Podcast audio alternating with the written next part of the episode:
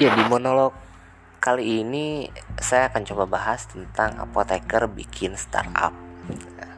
Kalau startup ini kan definisi secara terjemahan Indonesia-nya lah itu kan perusahaan rintisan, perusahaan yang baru berdiri. Kalau di kegiatan-kegiatan lomba misalnya lomba startup biasanya parameternya baru didirikan 2 tahun gitu kan itu. Uh, sekarang istilah startup memang banyak berkaitan dengan uh, perusahaan-perusahaan yang produknya itu seputar teknologi ya, aplikasi lah, website uh, dan segala macam. Tapi kan pada dasarnya sebenarnya startup ini semua semua usaha, semua usaha yang baru didirikan itu disebut startup gitu. Nah, tapi uh, saya coba bahasnya memang nanti lebih banyak tentang startup di bidang digital, gitu kan. terutama di uh, dunia farmasi. Apakah sudah ada atau belum yang mendirikan saraf di farmasi? Uh, karena kalau di dokter kan kita lihat sudah cukup banyak ya. Uh, ya kenal lah Halo Dokter, Yes Dok, apalagi itu. Uh, klik dokter dan segala macam lah. Nah, di farmasi sendiri ada nggak Halo Farmasi atau apa tuh? Uh, Halo Farmasi kita lihat.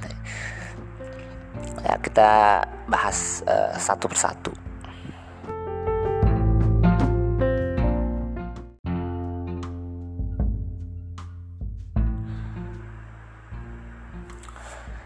Ya untuk startup di bidang farmasi khususnya di Indonesia ya khususnya di Indonesia yang fokus di bidang farmasi yang paling sudah banyak dilakukan adalah pembuatan point of sales point of sales ini maksudnya mesin kasir ya. Jadi, manajemen stok manajemen pengelolaan barang termasuk juga eh, pengecekan waktu kadaluarsa pembelian nanti misalnya ada pengaturan arus kas atau juga pengadaan dengan eh, distributor eh, surat pesanan otomatis.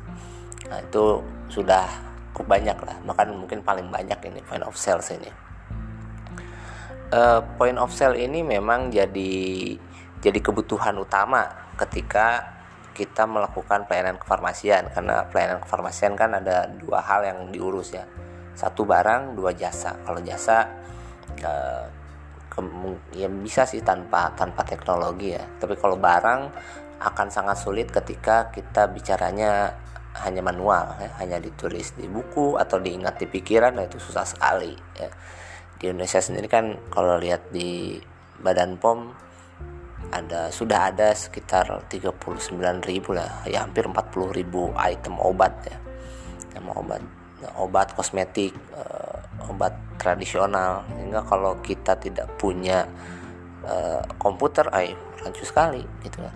Di apotek uh, minimal itu mungkin 1000 1000 item ya 1000 item dia jual.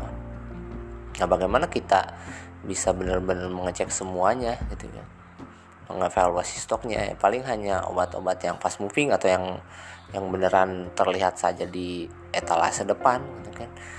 Itu yang biasanya dilakukan sampai saat ini gitu. pencatatan transaksi ya, ya sangat banyak sekali apotek yang masih mengandalkan tulisan manual tidak bukan bukan itu bukan bukan tidak boleh atau bukan itu jelek tetapi uh, kita butuh yang lebih bagus daripada itu yang bisa menjamin misal satu uh, keamanan data pasien ya. Keduanya bisa digunakan sebagai pengambilan keputusan klinis. Itu yang paling penting jadi uh, misal di apotek setiap hari itu kan ada 50 pasien atau sampai bisa sampai 100 pembelian obatnya seperti apa. Nah ketika kita hanya manual maka yang terlihat hanyalah ya obat A keluar berapa tablet obat B keluar berapa tablet hasilnya berapa uang hari ini masuk. Sudah seperti itu saja. Kemudian e, besoknya kita harus pesan obat apa ya? Tentukan dari uang yang masuknya ada berapa paling seperti itu. Tapi ketika misal ada point of sales nah point of sale ini kan membantu membantu menentukan ada paretonya misal di salah satu point of sale paretonya ada ada 20% obat yang menghasilkan 80% keuntungan. Nah berarti itu yang harus dipesan uh, lebih banyak misal. Atau uh, ada lagi yang menggunakan kan metodenya ada yang fast moving slow moving ya. Kita lihat bisa dilihat nih oh ternyata ada dead stock nih di di point of sale-nya ya. Ada dead stock. Atau pilihan lainnya ketika point of sale ini bisa di uh, dijadikan juga sebagai tools untuk membership gitu kan keanggotaan pasien. Sehingga pasien terekam datanya. Pasien ini sudah membeli obat apa saja di apotek A. Kemudian ketika nanti pasiennya datang lagi kita lihat datanya kita bisa melakukan keputusan klinis. Misal uh, bisa ditanyakan tentang obat-obat sebelumnya ya, apakah masih diminum atau tidak? Kalau masih diminum ketika obat yang akan dibeli ternyata ada interaksi dengan obat yang masih ada di rumahnya kita kan bisa nanti mengevaluasi. Atau ternyata ada alergi pasien yang datang keluarga pasien gitu kan. Kita tanya namanya siapa? Untuk pasien siapa? Oh ternyata ada alergi ya. Keluarganya tidak tahu kan. Nah, itu kan bisa menjadi hal yang sangat bagus untuk uh, pelayanan farmasi. Itu mengenai point of sales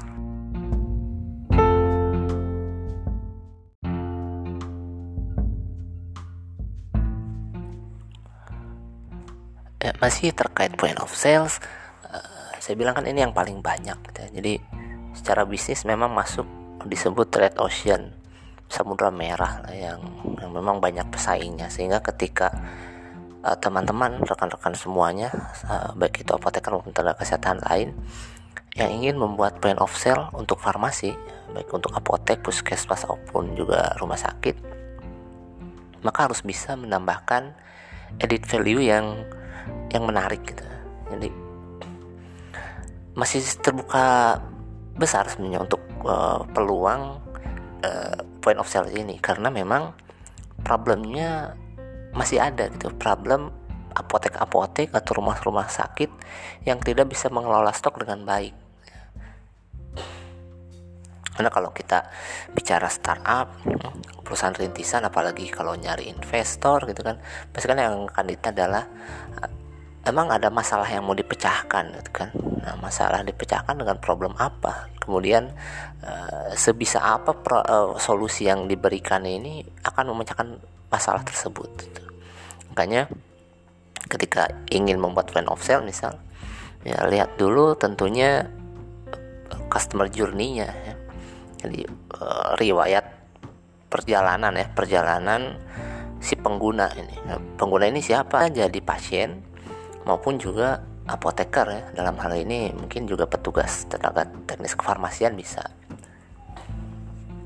Uh, jadi uh, lihat saja sekarang kon uh, secara konvensional ketika pasien itu misal membeli obat apa duluan yang akan dia kerjakan? Apa dulu?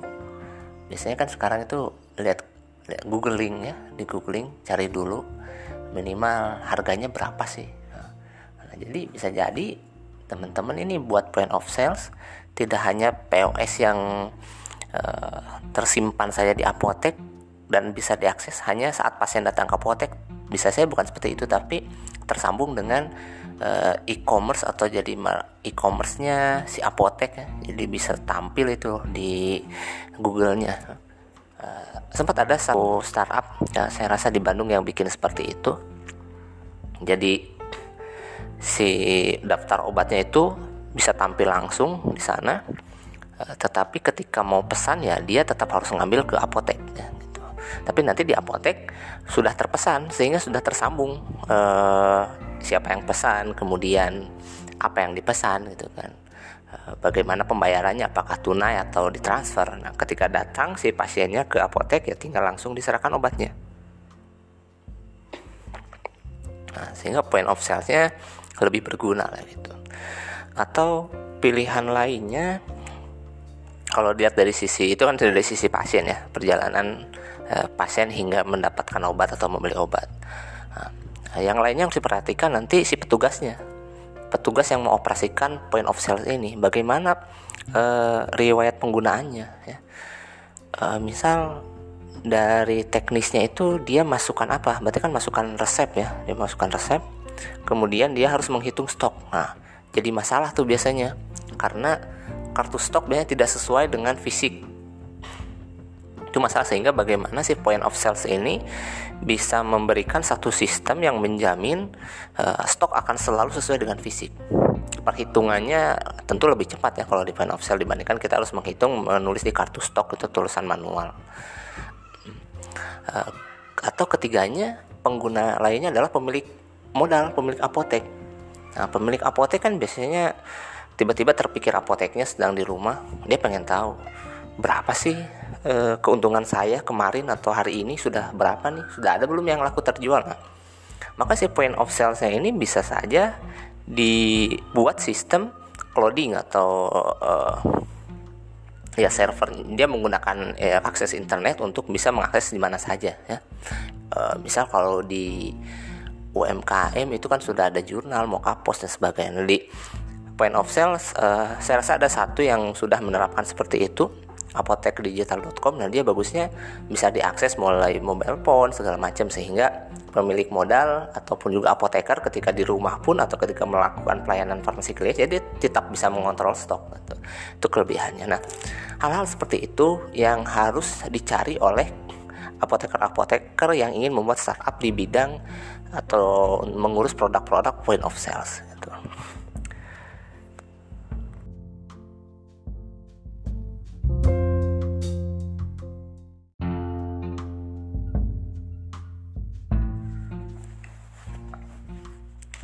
Beralih dari point of sales, eh, startup jenis kedua di bidang farmasi ini adalah media informasi. Eh, media informasi ini bisa menjadi memang eh, satu jenis startup yang menghasilkan uang. Jadi meskipun artikel yang kita tampilkan itu bisa dibaca secara luas, ya, tapi nanti bisa jadi si pengguna itu harus berlangganan terlebih dahulu. Ini transaksi konvensional lah seperti kita beli koran beli majalah itu kan juga kita beli itu bisa baca. Jadi seperti itu. Tinggal nanti bagaimana isi dari uh, artikel-artikel yang dimuat ya. apakah memang uh, sebegitu berhargakah sehingga harus kita bayar atau tidak gitu. tapi memang saat ini uh, masih sedikit yang menerapkan hal seperti itu meskipun sudah banyak media informasi yang uh, tampil ya ada farmasetika.com ada apalagi cari jamu juga itu masuk ke media informasi termasuk media edukasinya juga jamudigital.com itu kan menampilkan informasi-informasi yang memang berkaitan dengan apoteker dengan farmasi. Di luar negeri tentu lebih banyak lagi ya. Dan ya lebih lebih detail lagi mungkin di dalamnya dibahasnya. drugs.com misalnya paling terkenal atau Medscape. Medscape kan ya isinya literatur obat gitu. Literally memang dia berhubungan dengan obat-obat dengan penyakit juga satu dengan dokter atau drugs.com uh, biasanya diakses untuk mencari interaksi ya. ya meskipun itu gratis di awalnya tapi kan kita ada fitur-fitur lainnya yang memang bisa di di, di setting sebagai fitur berlangganan sehingga menghasilkan uh, perputaran uang arus kas bagi startup itu sendiri. Jadi buat teman-teman yang hmm, lagi mikir uh, apa ya bikin startup apa, ya bisa dicoba mungkin untuk membuat startup di bidang edukasi, ya, konten edukasi atau media informasi terkait obat dan farmasi. Ya. Melawan tentunya nanti problem yang diangkat ketika bertemu dengan investor misal pitching yaitu pitching yang utamanya adalah masalah bagaimana hoak-hoak informasi obat yang berefek pada uh, pasien saat minum obat lah masalah pengobatan dan segala macam.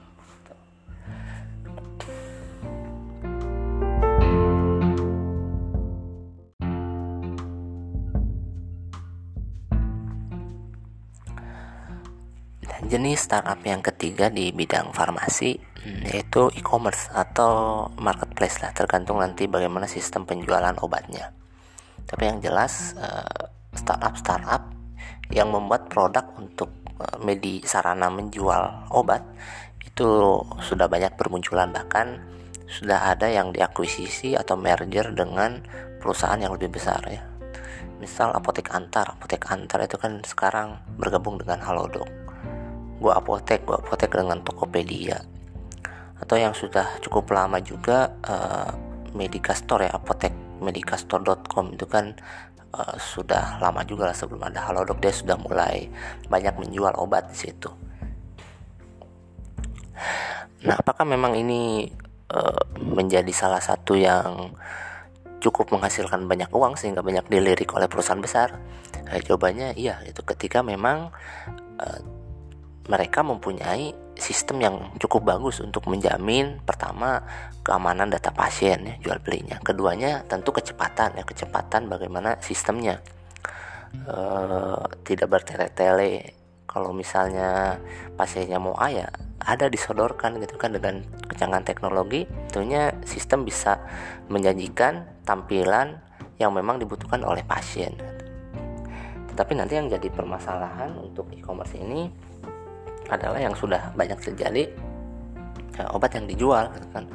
Karena belum ini ya meskipun peraturannya sekarang sudah ada ya yang penyedia sarana elektronik farmasi. Tapi uh, tentulah uh, masih menjadi satu tantangan tersendiri untuk merelasikan semuanya sehingga peredaran obat yang aman uh, dan legal ini bisa terlaksana. Hmm, kan masih banyak obat resep bisa dibeli online atau tanpa resep uh, bisa ya, di apotek konvensional saja kan bisa nah diberlakukan uh, apotek digital atau e-commerce apotek ini kan sebenarnya untuk membantu uh, memfilter pembelian-pembelian yang uh, dilarang ya. pembelian resep eh, pembelian obat tanpa resep ya obat keras tanpa resep itu kan dilarang tapi ternyata uh, memang ada dua sisi baik dan buruknya. Ternyata memang dalam kebijakan elektronik justru ya bisa makin diakalin untuk uh, pembelian obat secara online itu.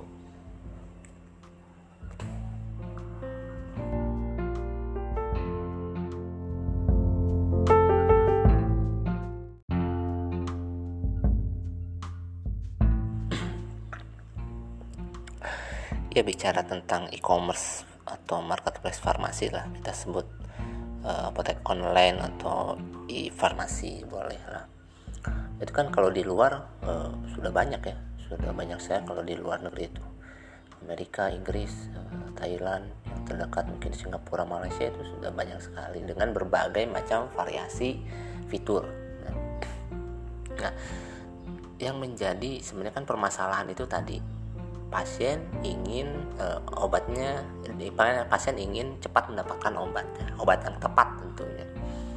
Nah, maka ya solusi yang ditawarkan itu sebenarnya kan sistemnya sudah jelas lah pembelian online tapi uh, lebih dalam dari itu harus ada uh, value-nya ya value proposition kalau di bisnis model itu kan. Value propositionnya apa gitu kan? Apakah ketik sebelum membeli obat pasien itu misal harus mengisi kuesioner ya. kuesionernya ada banyak ya, ada berapa pertanyaan sehingga nanti obat yang direkomendasikan tepat ya. hmm. atau uh, ya sudah yang jelas nanti pasien ketik uh, gangguan penyakitnya obat batuk muncul obat batuknya semuanya muncul terserah pasien mau milih yang mana tinggal kita kasih aja promo harga paling murah mana segala macam nah itu nanti uh, di bisnis model yang harus diperkuat. Jadi ketika membuat satu startup tentu ada panduannya. Nah panduannya kalau sampai saat ini ya yang banyak digunakan adalah bisnis kanvas model ya, atau bisnis model kanvas lah BMC uh, eh, ada juga yang menggunakan misal land canvas gitu. Tapi uh, ya kalau saya pribadi lebih sering menggunakan BMC ini ya bisnis model kanvas Jadi, uh, dia ada kotak-kotaknya nanti kita harus isi dulu tuh. Yang pertama bisa uh, ada namanya value propositionnya gitu kan. Jadi uh, apa nih yang ditawarkannya memang gitu. tentunya sebelumnya ada ada yang kita bicarakan dulu di tim ya. Masalah utamanya apa ya nanti dibicarakan selanjutnya. Uh, nanti kita akan coba bahas lebih detail ya tentang bisnis model ini. Tapi itu tadi teman-teman uh, yang membuat startup uh, ya harus buat dulu bisnis model kanvasnya seperti apa. Uh, berkaitan lagi dengan e-commerce farmasi ini selain tadi harus ada memang nilai tambahnya fitur yang yang memang dibutuhkan oleh pasien yang jadi tantangan juga adalah bagaimana keamanan data pasien ya, keamanan data. Karena kan yang ada catatan pengobatannya. Sehingga uh, nanti jangan sampai justru malah model bisnisnya kita jualan data pasien gitu ya. boleh ya boleh sih sebenarnya boleh saja gitu ya. tapi nanti ada etika-etika yang harus tetap uh, kita pertahankan sebagai apoteker gitu. kemudian juga ya kita harus menjaga juga ya privasi pasiennya ya, tiba-tiba pasiennya menggunakan e-commerce uh, anda terus datanya anda jual ya, masuk deh nanti ke nomor HP-nya pasien seluruh iklan-iklannya yang berkaitan. Sedangkan kan sebenarnya itu ada ada aturan mainnya ya terkait pengelolaan data secara uh, elektronik seperti apa. Makanya ada uh, pendaftaran penyedia sarana elektronik farmasi. Oke, nanti kita coba bahas lagi uh, beberapa jenis startup di bidang farmasi yang mungkin bisa dikembangkan lebih lanjut lagi.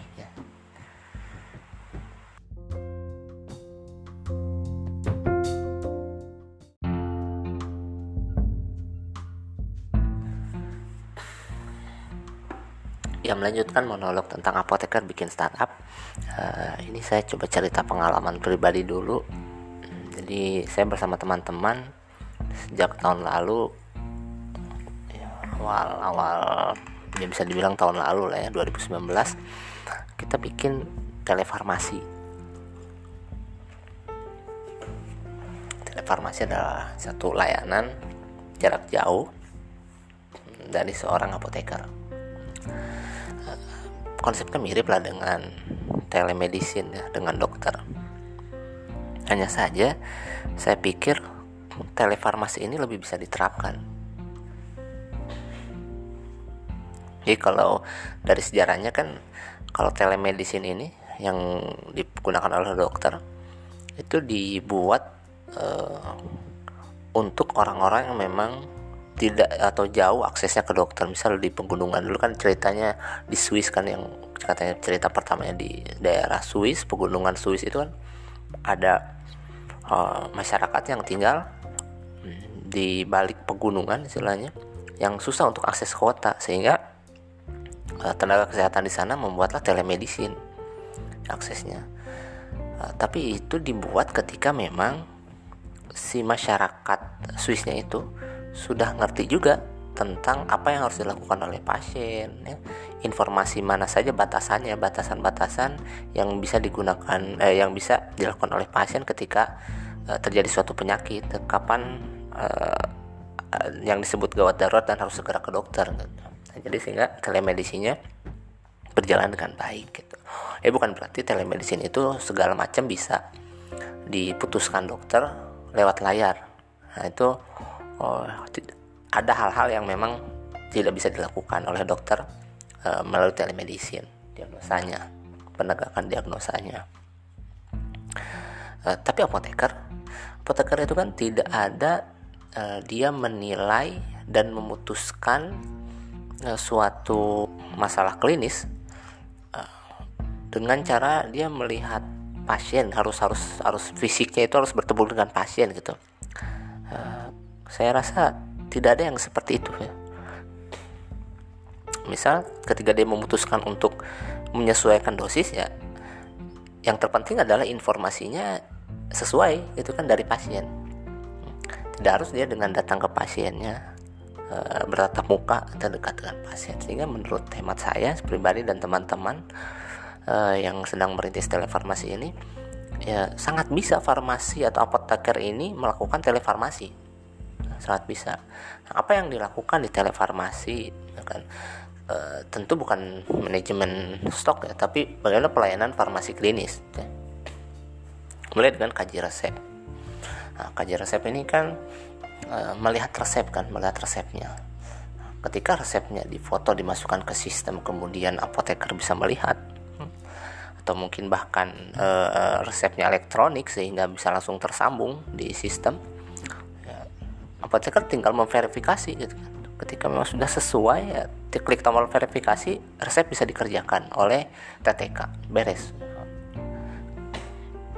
Begitu juga dengan konseling misalnya.